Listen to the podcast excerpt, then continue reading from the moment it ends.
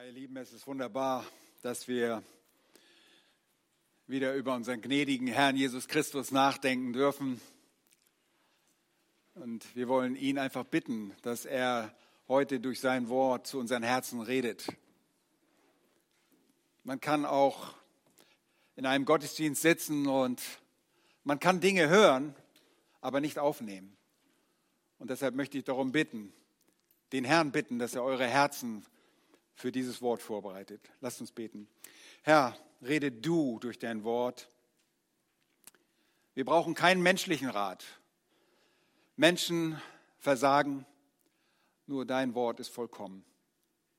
Danke, dass du uns Einblick gibst darüber, was du auf dich genommen hast, wie du in aller Weisheit auch Menschen gerettet hast, wie du ihnen begegnet bist, auch in der heutigen Begegnungen aus dem Markus-Evangelium wollen wir Dinge betrachten, wie du diesen jungen Mann überführst, wie du ihm zeigst, wer er ist.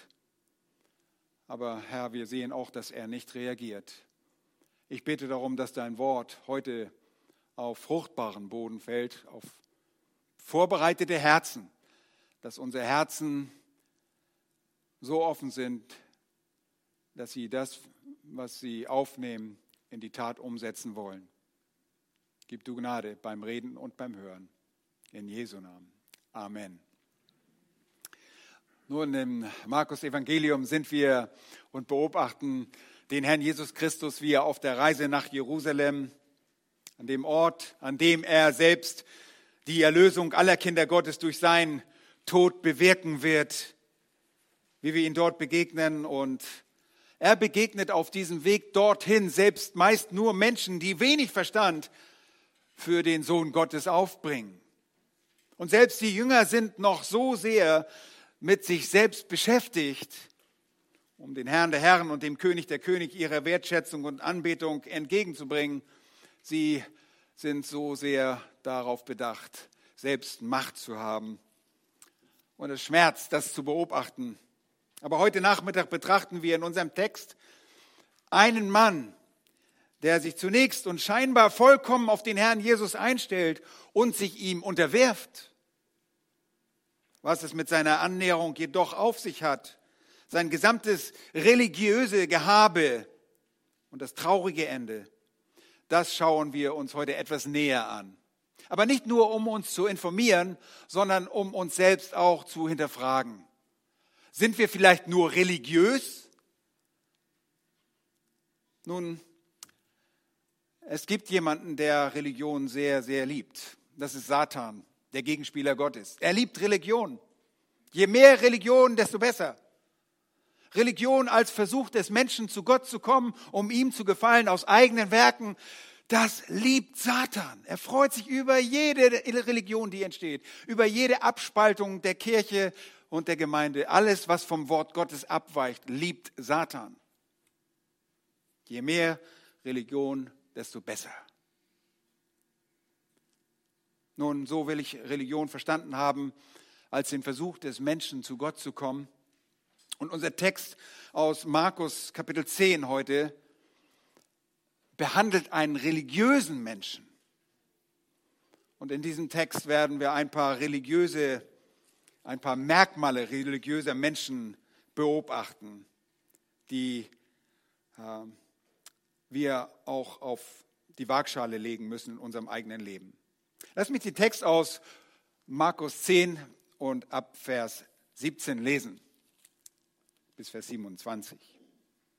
Und als er, das ist Jesus, auf den Weg hinausging, lief einer herzu fiel vor ihm auf die Knie und fragte ihn, guter Meister, was soll ich tun, um das ewige Leben zu erben? Jesus aber sprach zu ihm, was nennst du mich gut? Niemand ist gut als Gott allein. Du kennst die Gebote, du sollst nicht Ehe brechen, du sollst nicht töten, du sollst nicht stehlen, du sollst nicht falsches Zeugnis reden, du sollst nicht rauben, du sollst deinen Vater und deine Mutter ehren.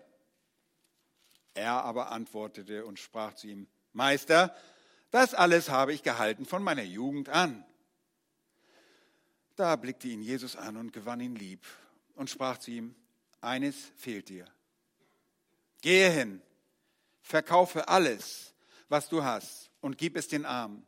So wirst du einen Schatz im Himmel haben. Und komm, nimm das Kreuz auf dich und folge mir nach. Er aber wurde traurig über dieses Wort und ging betrübt davon, denn er hatte viele Güter. Da blickte Jesus umher und sprach zu seinen Jüngern, wie schwer werden die Reichen in das Reich Gottes eingehen. Die Jünger aber staunten über seine Worte. Da begann Jesus wiederum und sprach zu ihnen, Kinder, wie schwer ist es für die, welche ihr Vertrauen auf Reichtum setzen, in das Reich Gottes hineinzukommen. Es ist leichter, dass ein Kamel durch das Nadelöhr geht, als dass ein Reicher in das Reich Gottes hineinkommt. Sie aber entsetzten sich sehr und sprachen untereinander, wer kann denn überhaupt errettet werden? Jesus aber blickte sie an und sprach, bei den Menschen ist es unmöglich, aber nicht bei Gott. Denn bei Gott sind alle Dinge möglich. Soweit das Wort Gottes. In diesem Text wollen wir uns acht Merkmale religiöser Menschen, die ewiges Leben begehren, aber nicht finden, ansehen. Und diese acht kommen aus diesem Text. Es gibt sicherlich noch mehrere Merkmale, aber das sind Merkmale, die aus diesem Text kommen. Merkmale religiöser Menschen, die ewiges Leben begehren, es aber nicht finden können. Als allererstes, sie treten äußerlich korrekt auf, aber beugen nicht ihre Herzen.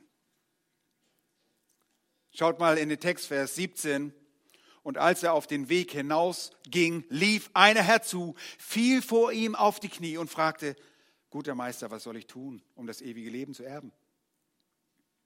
Alles in diesem ersten Vers, dem Vers 17, sieht gut aus und entspricht augenscheinlich einer gottesfürchtigen Haltung. Es ist eine für Menschen sichtbar angemessene Haltung vor dem Retter. Und dieser Mann läuft. Und wie wir aus Lukas 18, Vers 18 erfahren, ist er nicht irgendein Mann, sondern ein Oberster, ein, kein einfacher Mann der Gesellschaft, sondern ein angesehener Mann der jüdischen Synagoge, der Leitungsfunktion innehatte. Und wie wir vor ein paar Wochen erfahren haben, liefen Männer mit einem gehobenen sozialen Status in der damaligen Kultur nicht. Sie liefen nicht. Das war unangemessen und würde man auch in der jüdischen Kultur nicht tun. Erinnert ihr euch, wie der Vater bei der Geschichte der zwei Söhne? So lief auch dieser Mann. Hier wird nur gesagt, einer lief herzu. Und er demütigte, demütigte sich dadurch, was auch in seiner körperlichen äh, ja, Gebärde, dem Niederwerfen vor Jesus zum Ausdruck kommt. Er fällt auf die Knie. Und er fällt nicht nur irgendwo auf die Knie, sondern vor dem Herrn. Und das ist alles lobenswert. Und es ist eine zu erwartende, angemessene Haltung vor dem König der Könige. Diese Person ist uns sofort sympathisch. Er beugt sich vor Jesus. Aber wir müssen im Laufe der Begegnung leider feststellen, dass diese äußerliche Form, dieses sich vor Jesus gebärden, diese scheinbar demütige Gestikulation oder dieses Gestikulieren nur ein Schein war. Es ist nicht alles Gold, was glänzt.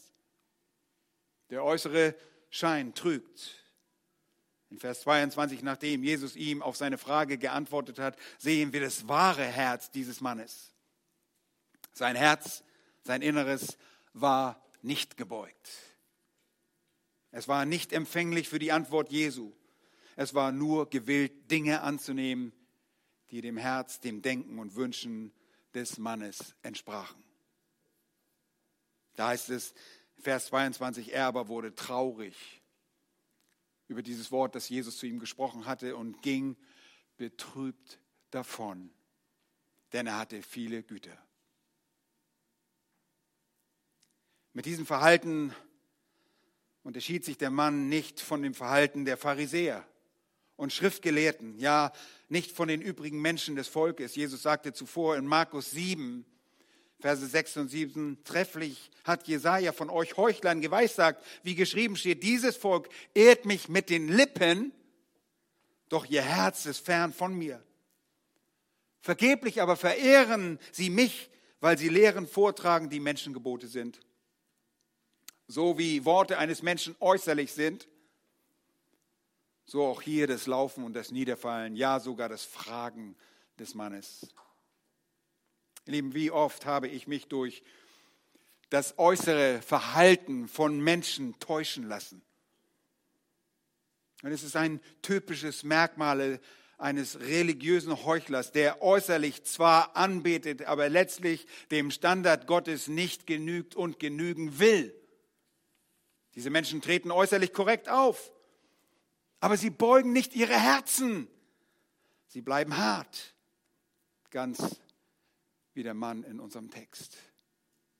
Achtet einmal darauf, wir haben im Laufe der Zeit in unserer Gemeinde genügend Beispiele dafür gehabt, dass Menschen gekommen sind und sich irgendetwas für sich selbst versprachen, es dann bekam oder auch nicht bekam und es dann im Laufe der Zeit doch sich herauskristallisierte, dass ihr Glaube nicht echt war, ihr Glaube nicht ein rettender Glaube war. Jeder dieser Menschen möchte natürlich auch das ewige Leben haben, aber sie gehen daran vorbei. Und das ist ein Merkmal eines religiösen Menschen. Er möchte das Ticket in den Himmel haben. Er möchte auch bei Gott sein. Und diese Person begehrt ewiges Leben, aber wird es nicht finden. Er wird es nicht erlangen. Aber sie treten äußerlich korrekt auf, aber sie beugen nicht ihre Herzen. Und nun schaut in den Text. Es heißt dort, und er fragte ihn, er fragte Jesus und sagt, guter Meister, was soll ich tun, um das ewige Leben zu erben? Diese Menschen verhalten sich nicht nur nonverbal korrekt, sondern stellen sogar oft Fragen. Ist das nicht erstaunlich? Schaut mal, sie fragen zweitens, aber akzeptieren nicht die richtige Antwort. Sie fragen, aber akzeptieren nicht die richtige Antwort. Wie lautet die Frage des Mannes in unserer Geschichte? Vers 17b. Guter Meister, was soll ich tun, um das ewige Leben zu erben? Was ist an dieser Frage nicht korrekt? Könnt ihr etwas entdecken? Ich nicht. Sie ist nicht nur korrekt gestellt, sondern sie ist auch eine gute Frage. Nicht nur tritt dieser Mann respektvoll und korrekt auf, sondern er stellt dazu auch eine gute Frage. Eine gute Frage, die später auf ganz ähnliche Weise auch von dem Kerkermeister zu Philippi an Paulus und Silas gestellt wird. Und dieser Kerkermeister fragt dort in Apostelgeschichte 16, die beiden, Paulus und Silas, ihr Herren, was muss ich tun, dass ich gerettet werde? Diese Frage war ausgezeichnet. Und sie spiegelt das wieder, was Menschen auch heute wirklich wissen möchten. Und die Antwort zeigt uns beim Kerkermeister, dem Kerkermeister gegenüber, wie gut diese Frage wirklich war. Sie, das ist Paulus und Silas, aber sprachen, glaube an den Herrn Jesus Christus, so wirst du gerettet werden, du und dein Haus. Apostelgeschichte 16, Verse 30 und 31. Der Mann in unserer Begegnung stellt also eine gute Frage. Es ist eine gute Frage, die von Jesus mit einer Gegenfrage und einer längeren Erklärung beantwortet wird. Aber Jesus beantwortet diese Frage. Er lässt den Mann nicht nur einfach stehen. Er geht auf den Mann ein und zeigt ihm die rechte Antwort und erklärt ihm, was sein großes Problem ist. Schaut mal Vers 21.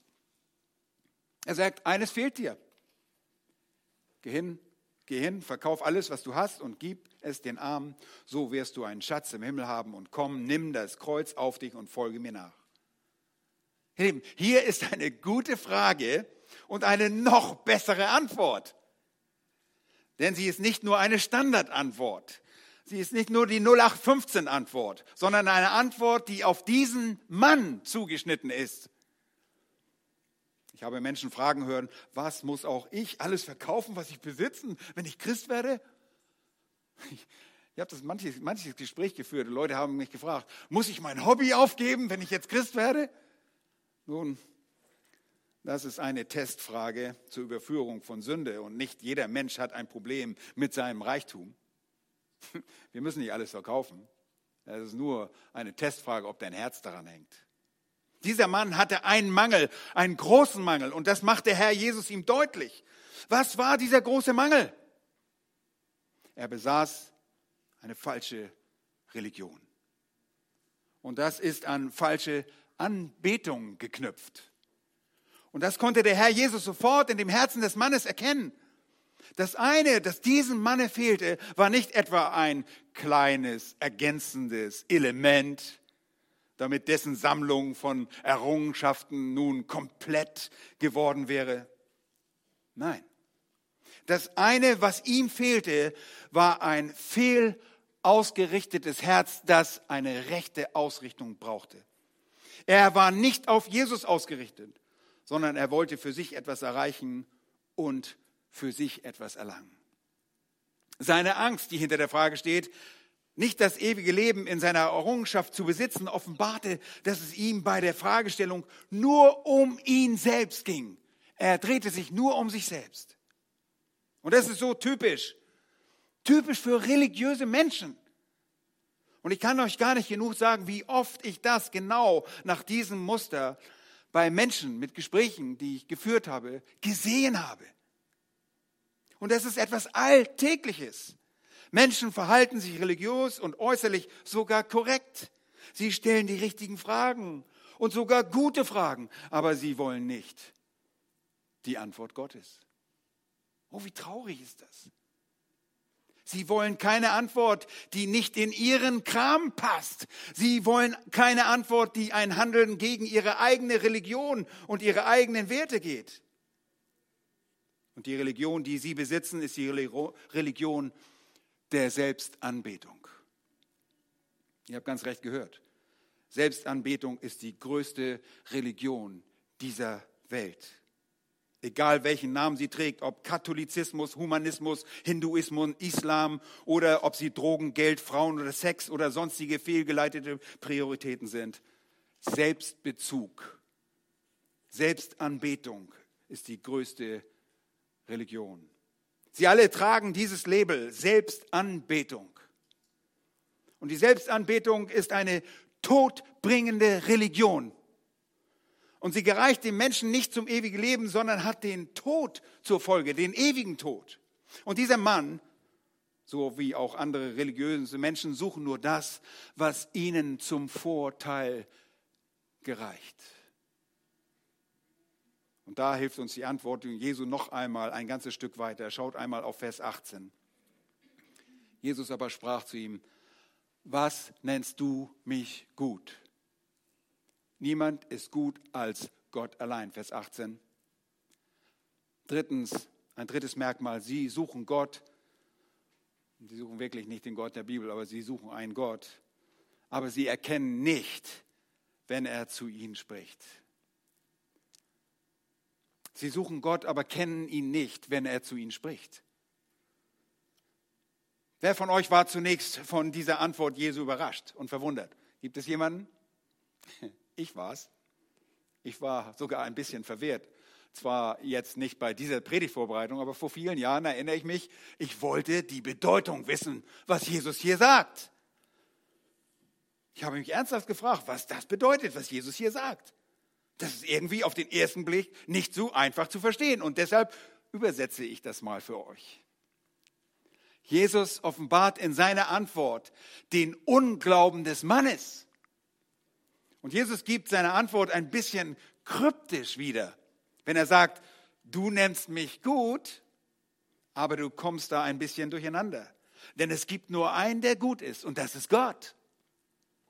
Das Problem des Mannes lag darin, was er unter dem Gut verstand. Er schmeichelte Jesus mit dem Gut, aber sein Gut war relativ, denn es gibt nur einen, einen einzigen, der tatsächlich gut ist. Und das in einem absoluten und perfekten Sinne. Wer ist das? Natürlich Gott. Er ist nicht nur irgendwie gut, sondern er ist der Maßstab für Güte. An ihm wird alles gemessen. Naja, hat der junge Mann das nicht etwa auch so gesehen? Nein, hat er nicht so gesehen. Er glaubte nicht, dass Jesus Gott war.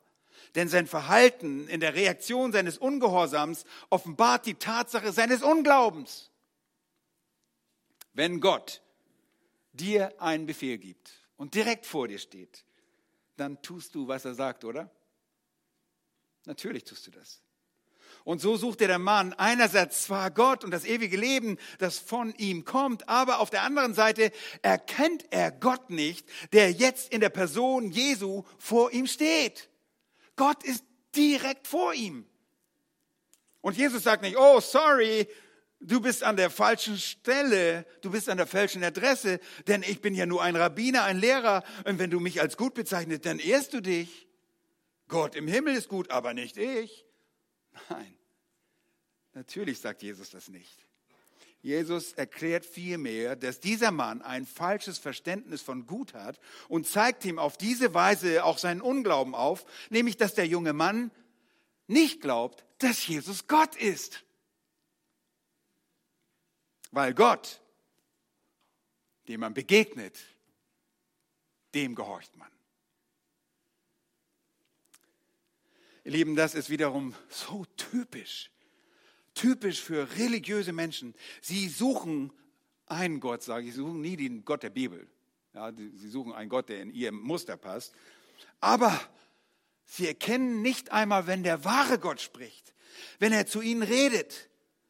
wenn ich gelegentlich mit religiösen Menschen ins Gespräch komme, und im Prinzip sind alle Menschen irgendwo in einer Art und Weise religiös, dann verwende ich im Gespräch bewusst das Wort Gottes und schlage dabei die Bibel auf. Ich erzähle Ihnen und zeige Ihnen, was Gott sagt. Und das ist in der Bibel schwarz auf weiß abgedruckt. Es geht nicht darum, was Borchmann oder sonst ein Mensch denkt, sondern schlagt die Bibel auf. Dann seht ihr das Gute, was von Gott kommt. Und lasst es die Menschen wissen, was Gottes Wille und Gottes Forderung ist, nicht die Forderung eines Menschen. Interessanterweise reagieren religiöse Menschen nicht auf das Reden Gottes, wie es durch die Bibel geschieht. Sie verharren bei und in ihren eigenen Wegen, ihrer eigenen Religion. Sie wollen sich nicht im Herzen demütigen. Nun, Gelegenheit, gelegentlich tun sie das, wenn Gott sie überführt. Aber in der Regel sind religiöse Menschen besonders hart.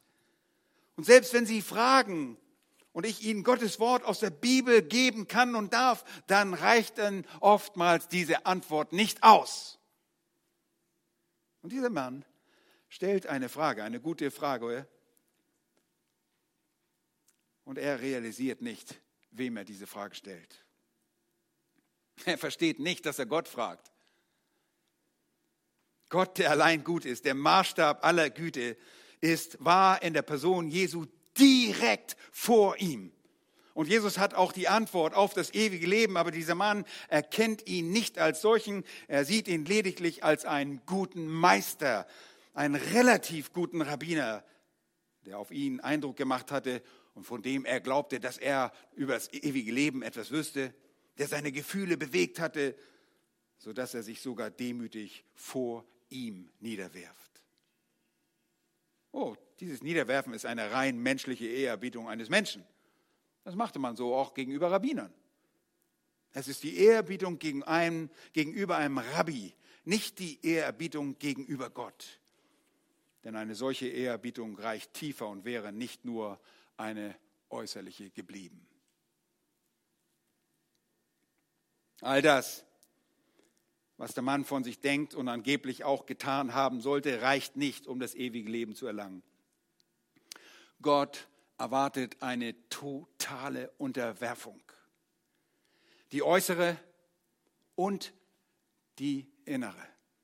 Und deshalb sagt der Halbbruder unseres Herrn Jesus Christus, Jakobus, in seinem Brief zu den Wankelmütigen in Kapitel 4, Vers 8, reinigt die Hände, ihr Sünder, und heiligt eure Herzen, die ihr geteilten Herzens seid. Er ruft sie damit zur Bekehrung auf. Die Hände in dieser Textstelle stehen für das Äußere, das Herz für das Innere. Ein Mensch, der zu Gott kommt, muss sich ganzheitlich reinigen. Er muss sich Gott ganz ergeben, nicht nur äußerlich. Er muss sich ganz ergeben, um gerettet zu werden. Und das macht Jakobus in seinem Brief mehrmals sehr, sehr deutlich. Und das ewige Leben ist an den Glauben, das absolute Vertrauen, an die komplette Reinigung geknüpft. Vielleicht sind wir jetzt ein bisschen durcheinander durch die vorherige Predigt. Der Glaube und das Vertrauen begleiten einen geretteten Sünder, aber beim letzten Mal haben wir gehört, dass das bei Kindern in einem nicht rechenschaftsfähigen Alter nicht erforderlich ist. Wenn sie sterben, sind sie gerettet, ohne Glauben. Und warum wohl? Weil sie nicht glauben können. In der Begegnung Jesu mit den nicht rechenschaftsfähigen Kindern ist der Glaube nicht Bestandteil der Rettung. Und ewiges Leben wird auch nur denen verliehen, die dann unmündig, geistlich unmündig sterben. Sonst ist immer der Glaube und die totale Hingabe gefordert. Jeder Mensch, der versteht, was Gottes Anspruch ist, muss glauben und vertrauen. Und genau das zeigt Jesus hier auch auf. Was für eine Tragik für religiöse Menschen, die glauben, auf dem richtigen Weg zu sein und doch Gott nicht kennen. Sie suchen Gott, aber es ist nicht der Gott der Bibel sondern sie suchen ihren eigenen Gott. Aber dann haben einige sogar das Vorrecht, dass sie dem einzigen Gott in seinem Wort begegnen, aber sie erkennen ihn nicht. Denn er, wenn er durch dieses Wort zu ihnen spricht, genauso wie es hier bei diesem jungen Mann der Fall ist. Sie verweisen viel lieber auf Eindrücke Menschen, religiöse Menschen verweisen auf Eindrücke, auf Gefühle und Träume und mystische Begegnungen und denken, es sei Gott. Sie reden von Gedanken ihrer Herzen. Oh, was für ein fataler Irrtum. Wenn ihr so denkt, dann kehrt um zu Gott, tut Buße und erneuer deine Gedanken. Gott redet, aber er redet durch sein Wort. Er offenbart sich wohl in der Natur, aber spricht nicht über seinen Heilsplan in der Natur. Oder habt ihr schon mal in irgendeinem Wald gefunden, äh, irgend auf einer Baumrinde das Evangelium gelesen? Ja, nicht, wenn das mehr eingeritzt hat, aber nicht von selbst. Wir brauchen die Bibel, das Wort Gottes, um zu verstehen, wer Gott ist, was der Heilsplan ist. Das saugen wir uns nicht aus den Fingern und auch nicht aus unseren Herzen. Aus unseren Herzen kommt so viel dummes Zeug. Deshalb brauchen wir das Wort Gottes. Aber der religiöse Mensch liebt diese Eigenkreation. Er liebt das eigene Bildnis von Gott. Nein, du brauchst den alleinigen Gott, den, der sich in der Bibel offenbart und dort auch spricht. Und wenn du vorhin die Schriftlesung gehört hast, dann hast du Gott reden gehört. Ihr Lieben, es gibt so, Leute sind vernarrt darauf, sie wollen Gott reden hören. Mach das. Lies die Bibel laut, dann hörst du Gott reden. Und wenn du noch lauter redest, hörst du ihn ganz laut reden. Aber er spricht durch sein Wort. Aber lasst uns weiter in den Text schauen, denn religiös denkende Menschen, die nach dem ewigen Leben fragen und nach Gott suchen, erkennen ihn nicht nur, wenn er, zu, nicht, äh, wenn, sie, wenn er zu ihnen spricht, sondern sie denken nicht richtig über sich selbst. Viertens, sie denken religiös, aber nicht richtig über sich selbst. Jesus sagt zu diesem Mann, Vers 19, du kennst die Gebote. Du sollst nicht Ehe brechen, du sollst nicht töten, du sollst nicht stehlen, du sollst nicht falsches Zeugnis reden, du sollst nicht rauben, du sollst deinen Vater und deine Mutter ehren. Die von Jesus hier angeführten Gebote sind Gebote aus der zweiten Hälfte des Dekalogs, der zehn Gebote. Und die zehn Gebote sind aufgeteilt in Gebote, die in Beziehung zu Gott stehen. Das ist die erste Hälfte der Gebote. Und dann sind dort Gebote, die in der Beziehung zu Menschen stehen. Das ist die zweite Hälfte der Gebote. Und ihr könnt, erkennen, hier geht es um die Beziehung zunächst einmal zu Menschen. Wer wirklich richtig denkt, der erkennt auch, dass diese Dinge niemand tatsächlich umfassend erfüllen kann. Denn kein sündiger Mensch denkt und verhält sich in reiner Art und Weise, das heißt unschuldig seinem Nächsten gegenüber. Wir sind unseren Nächsten alle gegenüber schuldig geworden.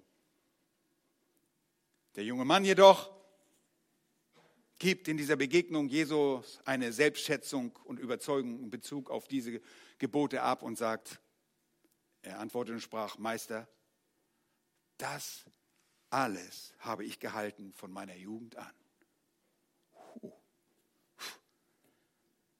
Er war mit diesen Dingen vertraut. Er war wahrscheinlich religiös erzogen worden und war nun ein Oberster in der Synagoge, ein also nicht unbedeutender Mann, der von Menschen geschätzt und anerkannt wurde. Und vielleicht schaffte er es sich auch als ein reiner Mensch ohne Fehl nach außen hin auszugeben. Das denken auch einige von mir. Weit gefehlt. Aber bei Jesus war er dafür an der falschen Adresse. Denn Jesus weiß nicht nur, was das Äußere des Menschen betrifft, sondern er kennt das Herz. Er kennt jeden Gedanken. Er kennt das Innerste der Menschen. Und dieser Mensch war fehlgeleitet in seinem Denken. Er hat eine sehr hohe Meinung von sich selbst, so wie religiöse Menschen es sehr häufig von sich haben. Und sie alle ihre Errungenschaften aufzählen. Aber was sagt Gott über den Menschen? Was ist Gottes Sicht wirklich über den Menschen? Wir finden die Zusammenfassung dieser Gedanken Gottes von Paulus in Römer 3,10 und den folgenden Versen dort ähm, sehr gut wiedergegeben. Das ist eine Zusammenfassung von dem, was geschrieben steht im Alten Testament. So fängt er auch an dort, wie geschrieben steht. Es ist keiner gerecht. Oh, steht da keiner oder einer? Nee, keiner. Da steht keiner. Auch nicht einer zur Betonung. Es gibt keinen Gerechten. Es ist keiner, der verständig ist, der nach Gott fragt. Ja, aber ich habe nach Gott gefragt. Nein, du hast nicht nach Gott gefragt. Du hast nach irgendeinem Götzen gefragt, aber nicht nach dem lebendigen Gott. Gott hat sich dir offenbart. Er ist dir nachgegangen, wenn du ein Kind Gottes bist. Dann sagt der Vers 12, sie sind alle abgewichen, sie taugen alle zusammen nicht. Das ist kein, keiner, der Gutes tut. Da ist auch nicht einer. Nein, nicht einer. Steht mein Name nicht dahinter? Nein, keiner. Ihre Kehle ist ein offenes Grab. Und er spricht von diesen Menschen. Diesen Menschen, welche Menschen? Von uns. Ihre Kehle ist ein offenes Grab. Wisst ihr da, was das bedeutet? Ihre Kehle. Was kommt aus der Kehle raus? Ah, da kommen Geräusche raus. Wenn unsere Kehle, unser Hals ein offenes Grab ist, dann stinken wir aus unserem Maul. Nicht, weil wir irgendwie einen kranken Magen haben, sondern weil wir krumme, schreckliche Worte über unsere Lippen bringen. Ihre Kehle ist ein offenes Grab. Offene Gräber stinken nach Leichen.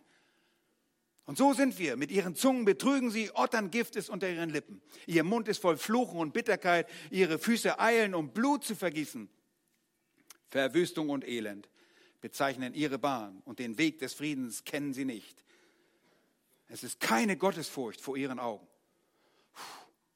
Und hier fasst Paulus die Aussagen des Tenachs, des Alten Testaments, der Psalmisten und Propheten zusammen und er spricht dabei nicht von einer besonderen Gruppe krimineller Menschen. Er spricht von dir und mir.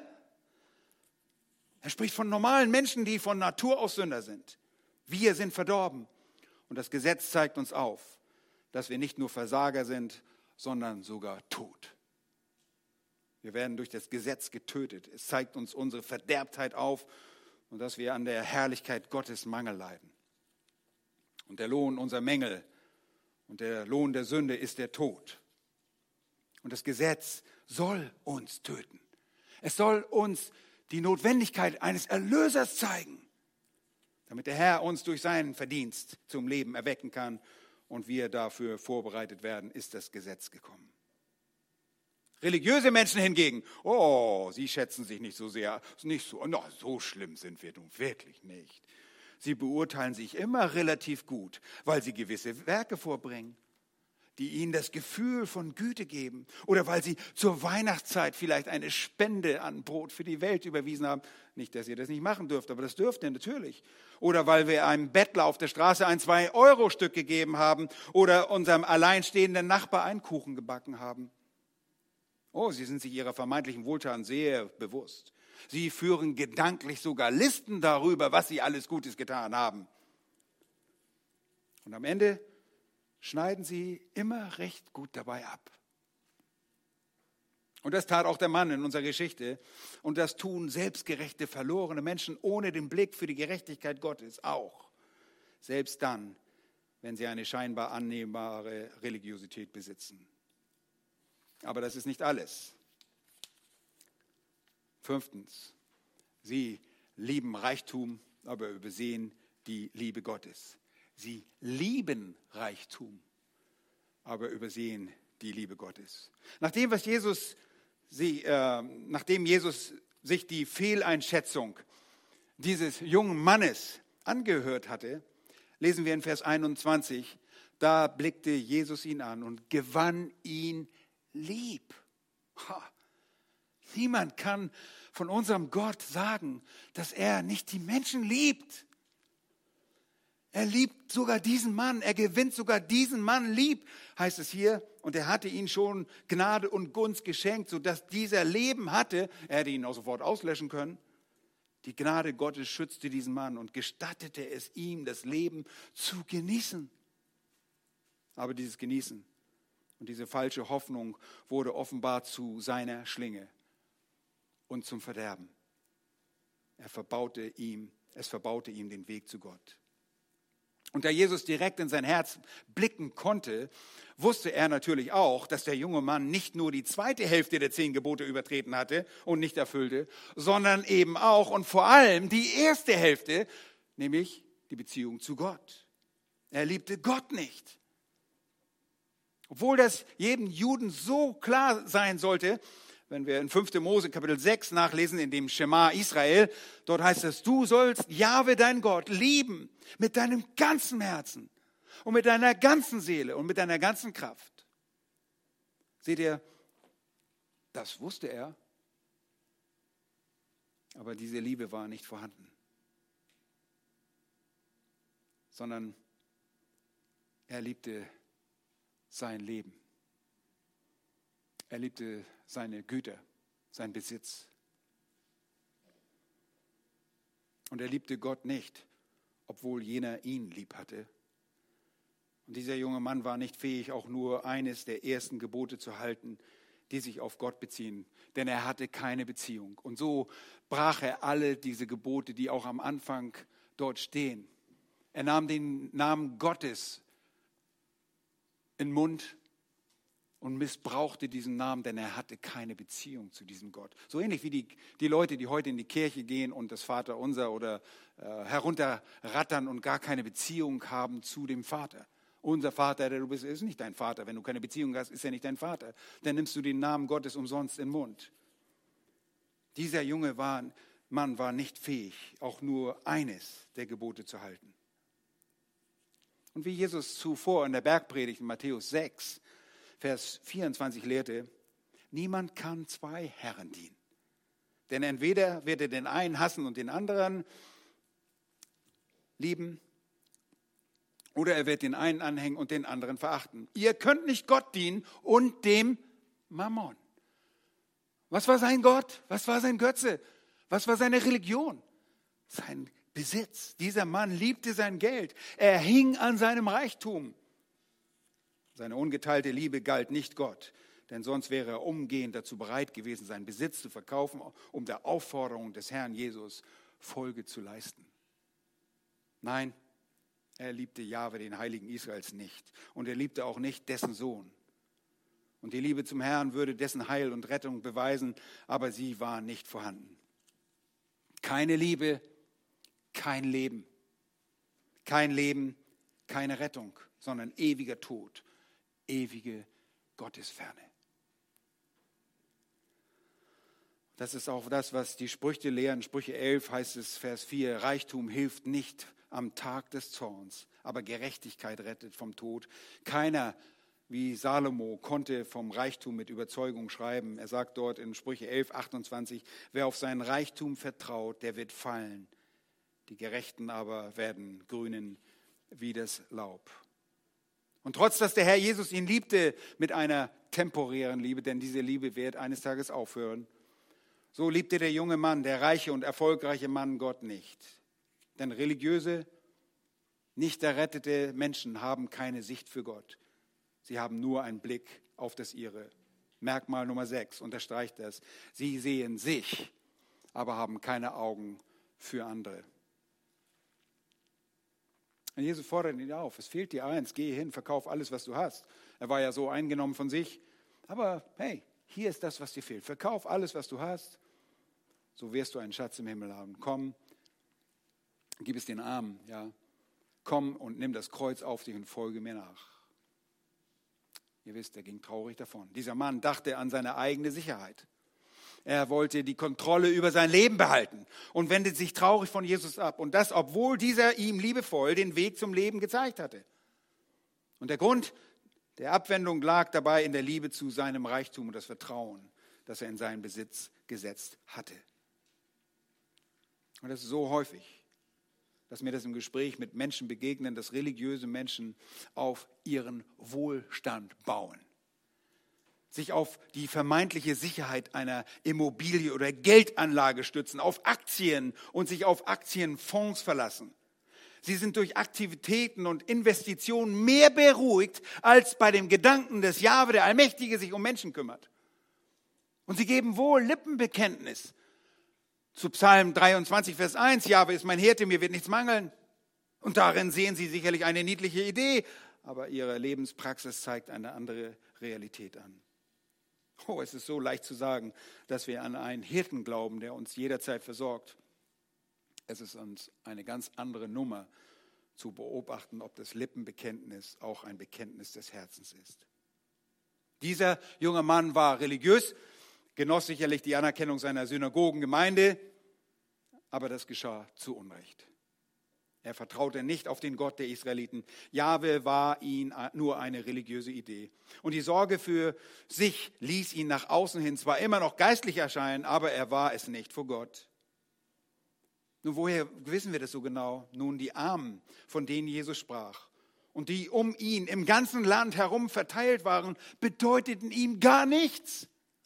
Sein Anliegen, im Luxus und Überfluss zu leben, war ihm wichtiger als die Sorge für die Bedürftigen. Und das ist eine traurige Tatsache, die typisch für religiöse Menschen ist. Oh ja, wir, wir dürfen ähm, und wir sollen Vorsorge betreiben. Und wir sind auch nicht für Menschen da, um ihren Lebensstandard zu erheben. Ja, versteht das nicht falsch. Äh, dieser reiche Mann, den Gott macht reich und er macht arm. Das, das Problem ist nicht, dass man reich ist. Das Problem ist, wenn man Reichtum liebt und das ein Götze geworden ist. Wir dürfen Vorsorge betreiben. Wir dürfen auch reich sein, denn der Herr macht reich und arm, aber es ist nicht richtig, den Besitz zum Götzen und Lebensinhalt zu machen. Und es ist richtig, für Dinge zu sparen und auch unseren Kindern ein Erbe zu hinterlassen. Aber wenn die Worte sparen und Geiz zu Synonym werden, dann stimmt etwas ganz gewiss nicht. damit nicht genug.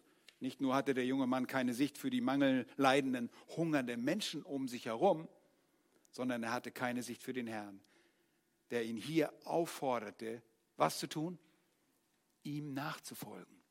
Ist euch das aufgefallen? Hoffentlich ist euch das nicht entgangen. Christsein, wahre Jüngerschaft, hat die Ehre Gottes im Auge und die wird nur durch Nachfolge erreicht. Christen laufen Gott nicht voraus und auch nicht nebenher. Christen laufen Gott nach. Sie tun das, was Gott von ihnen will.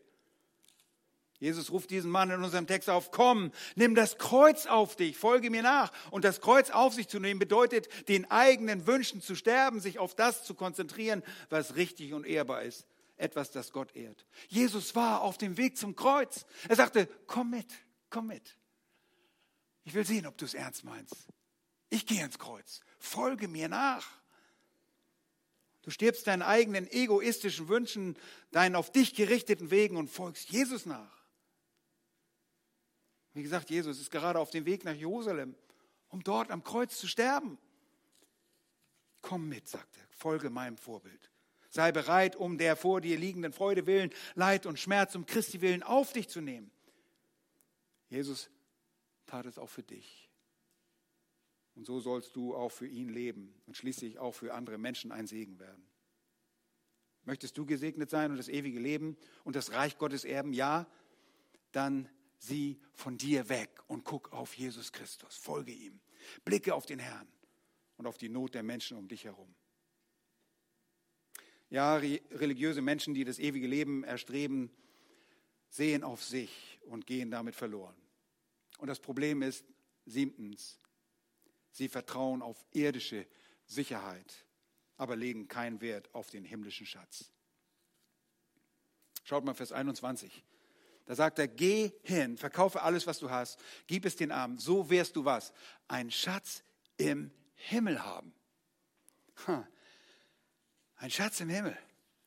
Seht ihr, dieser Mann legte seine Hoffnung auf irdische und auf temporäre, vorübergehende Sicherheit. Und das, was er sah und besaß, das war seine Sicherheit. Jesus macht das in Vers 24 sehr deutlich, dass er darauf vertraute, auf sein Reichtum. Er sagte quasi genau das, was auch der Mann sagte, dessen Feld in Lukas 12, erinnert euch an diese wunderbare Geschichte, reichen Ertrag gebracht hatte und größere Scheunen baute. Und er sagte sich, oh Seele, du hast einen großen Vorrat auf viele Jahre, hab nun Ruhe, iss, trink und sei guten Mutes. Ihr wisst, was Gott zu ihm sprach. Gott sagte, du nah, in dieser Nacht wird man deine Seele von dir fordern und wem wird gehören, was du bereitet hast. So geht es dem, der für sich selbst Schätze sammelt und nicht reich ist für Gott. Dieser Mann war reich für sich, aber nicht in den Augen Gottes. Er war in dessen Sicht armselig, in dessen Sicht armselig. Und wir lesen in den Sprüchen, der Besitz des Reichen ist für ihn eine feste Stadt, wie eine hohe Mauer in seiner Einbildung. Sprüche 18, Vers 11. Städte mussten früher von Feinden geschützt werden. Und seht ihr, der Reiche bildet sich ein, dass der Reichtum wie eine geschützte Stadt ist, wie eine Mauer, die den Feinden das Überwinden unmöglich macht. Und der Reichtum, so denkt er, wird ihn genauso schützen. Wie eine befestigte Stadt, wie eine Mauer in der Stadt, aber nur in seiner Einbildung. Denn Reichtum, ihr Lieben, ist etwas sehr Ungewisses. Absolut ungewiss. Es ist keinerlei Maß an Sicherheit darin. Gar nichts. Und so ist es mit religiösen Menschen, die oft vom ungerechten Mammon angetrieben werden. Und deshalb lehrte der Herr auch und sagte, habt Acht und hütet euch vor der Habsucht, denn niemandes Leben hängt von dem Überfluss ab, den er an Gütern hat. Lukas 12. Oh, glaubt bitte niemals diesem Irrtum, dass euer Leben lebenswert ist, weil ihr etwas besitzt und fühlt euch niemals deshalb sicher. Das ist eine Selbstverführung. Gott braucht nicht eine krampfhafte Sorge nach dem Mammon. Er braucht nie, nur seine Taschen öffnen und der Segen Gottes fließt stärker, als du dir das jemals ausmalen könntest. Deshalb trachte nach dem Reich Gottes. Später lehrt Jesus sogar noch in Kapitel 12, 33, verkauft eure Habe und gebt Almosen, macht Beutel, die nicht veralten, ein Schatz, der nicht vergeht im Himmel, wo kein Dieb hinkommt und keine Motte ihr Zerstörungswerk treibt. Genauso diese Antwort gibt Jesus diesen Mann. Es ist nicht einmal so, dass man seinen irdischen Reichtum oder Besitz für nichts aufgibt. Nein, es lindert Not und Gott mehrt diesen irdischen Reichtum, den man für ihn einsetzt, in einen himmlischen Besitz. Du wirst das Reich Gottes erben. Dieser Mann aber verachtete das Unsichtbare und er verließ sich auf das temporär Sichtbare. Welche Tragödie. Dieser Mann war ungläubig. Er glaubte Gott nicht und er konnte nicht die einfachste Rechnung nachvollziehen. Ich meine, du brauchst kein Mathematiker sein, Herr Patterson. Du musst nicht ein Mathematiker sein, um das zu erkennen, was mehr Wert hat. Eine kurze Zeit weniger eingebildete irdische Sicherheit oder eine Ewigkeit im Himmel, sicher reich bei Gott zu sein. Was ist da besser? Meine Güte, das ist die einfachste Mathematik. Ihr Leben, religiöse Menschen sind genauso in ihrem Verhalten. Sie entscheiden sich für die kurze, unsichere Sicherheit auf Erden. Wie töricht. Und das ist ein Indiz dafür, wer wirklich glaubt. Wie viele Gedanken machst du dir um deinen himmlischen Schatz? Wie berechnend bist du, um diesen Schatz zu mehren? Oder bist du nur mit irdischer Mathematik beschäftigt? Gott kommt auch mit Lohn. Er lässt nichts unbeachtet in deinem Leben. Und dafür musst du ihm vertrauen. Und wir kommen zum Ende. Dem Herrn sei Dank. Ich habe es geschafft fast. Zu Punkt 8. Und das ist der, gewissermaßen der Höhepunkt. Was Jesus hier nun sagt, schockiert die Jünger. Achten, sie können gerettet werden, aber es selbst nicht tun. Da blickte Jesus umher und sprach zu seinen Jüngern, wie schwer werden die Reichen in das Reich Gottes einkehren. Die Jünger aber erstaunten. Und das Wort, das hier äh, Tambeo, griechische, bedeutet so viel, sie waren geschockt über seine Worte. Und da begann Jesus wiederum und sprach zu ihnen, keiner Kinder, wie schwer ist es für die, welche ihr Vertrauen auf Reichtum setzen, in das Reich Gottes hineinzukommen. Und jetzt kommt der absolute Hammer. Und das hat sie absolut entsetzt. Es ist leichter, dass ein Kamel durch das Nadelöhr geht, als dass ein Reicher in das Reich Gottes hineinkommt. Sie aber entsetzten sich sehr darüber und sprachen, Wer kann denn überhaupt errettet werden? Jesus aber blickte sie an und sprach, bei den Menschen ist unmöglich, aber nicht bei Gott. Denn bei Gott sind alle Dinge möglich. Jesus drückt hier die Realität über die Schwierigkeit der Reichen ins Himmelreich zu kommen aus. Im Judentum wird das äh, doch das Reichsein als ein Segen betrachtet, oder? Ja, wenn du reich bist, bist du gesegnet, dann bist du doch sicherlich auch Erbe des, des Himmelreiches. Hatten Sie das falsch verstanden? Warum waren Sie so geschockt?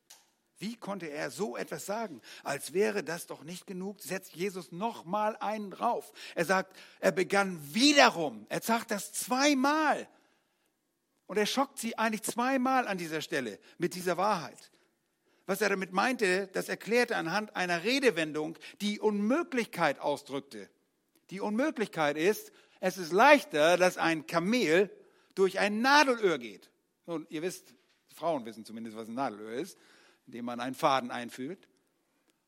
Und um das abzuschwächen, hat man versucht, im Laufe der Geschichte daraus ein Tor in der Jerusalemer Mauer zu machen, durch das ein Kamel sich schwer äh, tat, durchzukommen. Aber das gibt es überhaupt keinen Beweis dafür. Hier ist ein Nadelöhr, eine Nadel gemeint. Kommt da ein Kamel durch? Absolut nicht. Und das möchte Jesus zum Ausdruck bringen. Es ist unmöglich, da durchzukommen. Es ist ein Ausdruck der Unmöglichkeit. Sie wussten ganz genau, was Jesus hier sagte. Und er sprach von der Unmöglichkeit, dass ein Reicher in das Reich Gottes gehen könne. Und er war einfach unmöglich, menschlich gesehen. Aber hier ist die gute Nachricht. Bei Gott ist es nicht unmöglich. Und ihr Lieben, ich bin Zeuge davon geworden, dass auch reiche Menschen auf die Knie gegangen sind. Und ich habe euch von einem meiner Freunde erzählt, der schon in fortgeschrittenen Alters war, als er zum Glauben kam. Und er hat wirklich Knete. Als er mir, ich habe euch das erzählt, als er mir dann sagte, oh, ich kaufe gerade das Einkaufszentrum von Long Beach. Und dann habe ich gesagt, ja, welchen Laden denn? Nein, er sagt das Ganze. Okay, alles klar. Also er war reich, er war reich, aber er ist auf die Knie gegangen. Gott macht reich und er macht arm. Aber Reiche sind nur dann verdammungswürdig, wenn sie ihren Reichtum lieben. Gott macht reich, damit es einen gewissen Ausgleich gibt. Das war immer so schön. Im Laufe dieser Gemeindegründungsarbeit haben wir erlebt, wie unsere Geschwister aus Kanada unsere Arbeit hier mitgetragen haben. Und an der Ostküste ist die Ölindustrie und sie haben große Verdienste und sie haben uns großzügig unterstützt in dieser Arbeit hier in Deutschland, damit wir diese Arbeit tun konnten. Das ist zum Ausgleich gegeben. Reiche Menschen, das Geld ist nicht für dich, damit du noch aus einer goldenen oder einer Diamantentasse trinken kannst. Kannst du gerne machen, äh, aber es ist dazu da, es ist zum Ausgleich gegeben. Und jeder, der Geld hat, der soll es verantwortungsvoll einsetzen. Wir haben gerade eine Serie darüber gehört, dass es wichtig ist, wie wir verantwortungsvoll mit dem umgehen, was uns anvertraut ist, auch mit dem Geld. Und so ist es ein Wunder, wenn jemand zum Glauben kommt, ist es immer ein Wunder, ob reich oder nicht reich. Gott braucht nicht besondere Kraft, einem Reichen zu überführen. Diese Kraft ist auch für einen Armen notwendig. Aber ihr könnt euch vorstellen, dass ein Reicher oftmals sagt, ich brauche doch keinen Gott, ich habe doch alles. Ich kann mir doch alles kaufen. Egal, was die Religion ist. Und wir wissen, manchmal ist es sogar Fußball, ne? Union, Union, das ist meine Religion. Nein, egal welche Religion es ist, Gott kann dein Herz brechen. Und er will dir vergeben. Und wenn bei dir irgendwas an erster Stelle steht, außer Gott, dann hast du die falsche Religion. Denn es ist Zeit für dich, heute auf die Knie zu gehen. Nicht nur äußerlich wie der junge Mann, sondern innerlich auf die Knie zu gehen und sagen, Vater im Himmel, vergib mir meine Schuld. Ich will dir folgen. Ich will dahin gehen, wo du mich haben willst. Sei du mir gnädig. Und wisst ihr, was Gott sagen wird? Er wird sagen, ja. Und der Sohn wird niemanden herausstoßen, der zu ihm kommt. Er wird niemanden von sich stoßen und sagen, nee, nee, nee, du hast zu viel gesündigt. Nein, er wird alles vergeben. Egal wie tief und wie tief wir im Dreck sind, er wird sich niemals von dir abwenden, wenn du dich wirklich vor ihm beugst. Möge der Herr das schenken. Möge er Gnade zur Buße schenken, auch an diesem Tag. Amen. Lass uns beten. Herr, wir sind dir so dankbar, dass wir uns auch selbst überprüfen konnten anhand dieser Geschichte, dieser Begebenheit mit dem reichen Jüngling. Herr, und manchmal erkennen wir sogar selbst Züge in unserem eigenen Leben als deine Kinder, dass wir uns manchmal mehr auf äußerliche Dinge konzentrieren und auf Reichtum oder auf materielle Dinge, dass wir diesen Dingen vertrauen. Herr, vergib uns diese törichten Dinge. Hilf uns zu erkennen, dass Reichtum nichts bringt, dass es keine Sicherheit ist. Die Sicherheit ist allein bei dir. Danke für dein unveränderliches Wort. Dein Wort ist die Wahrheit. Und deshalb bitten wir dich, reinige durch uns durch dein Wort, heilige uns durch dein Wort und gib du da ewiges Leben, wo Menschen sich dir noch nicht anvertraut haben. Wir beten von ganzem Herzen, rette du. Du bist ein Rettergott. Und deshalb bist du auch nicht wiedergekommen, weil du immer noch rettest. Herr, lass uns Anteil daran haben, dass Menschen gerettet werden, auch an diesem Tag. Wir lieben dich von ganzem Herzen. Amen. Amen.